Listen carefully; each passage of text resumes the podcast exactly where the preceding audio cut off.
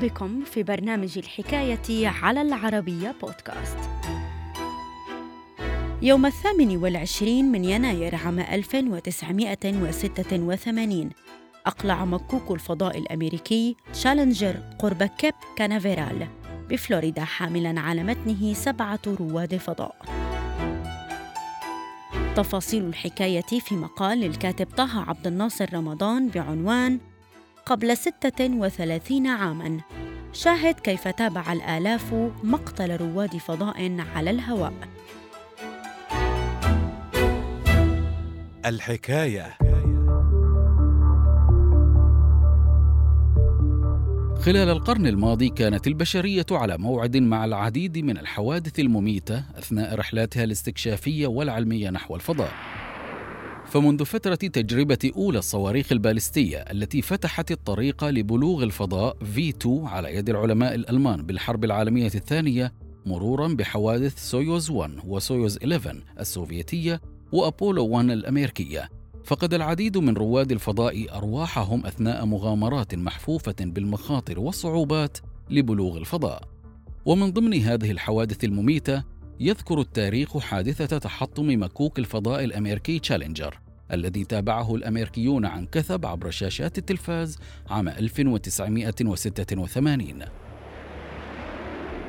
ففي حدود الساعة الحادية عشرة وثمان وثلاثين دقيقة بتوقيت الولايات المتحدة أي ما يعادل السادسة عشر وثمان وثلاثين دقيقة بالتوقيت العالمي يوم الثامن والعشرين من يناير عام 1986 أقلع مكوك الفضاء الأمريكي تشالنجر قرب كيب كانافرال بفلوريدا حاملا على متنه سبعة رواد فضاء.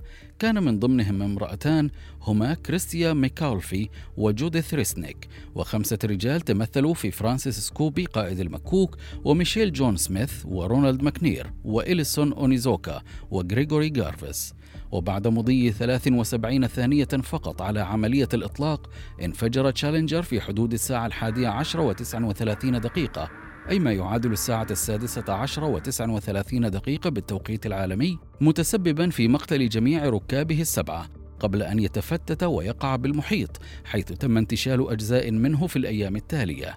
كما تابع المئات على سطح الأرض عملية الإطلاق وتحطم المكوك وشاهدوا الحدث بأعينهم.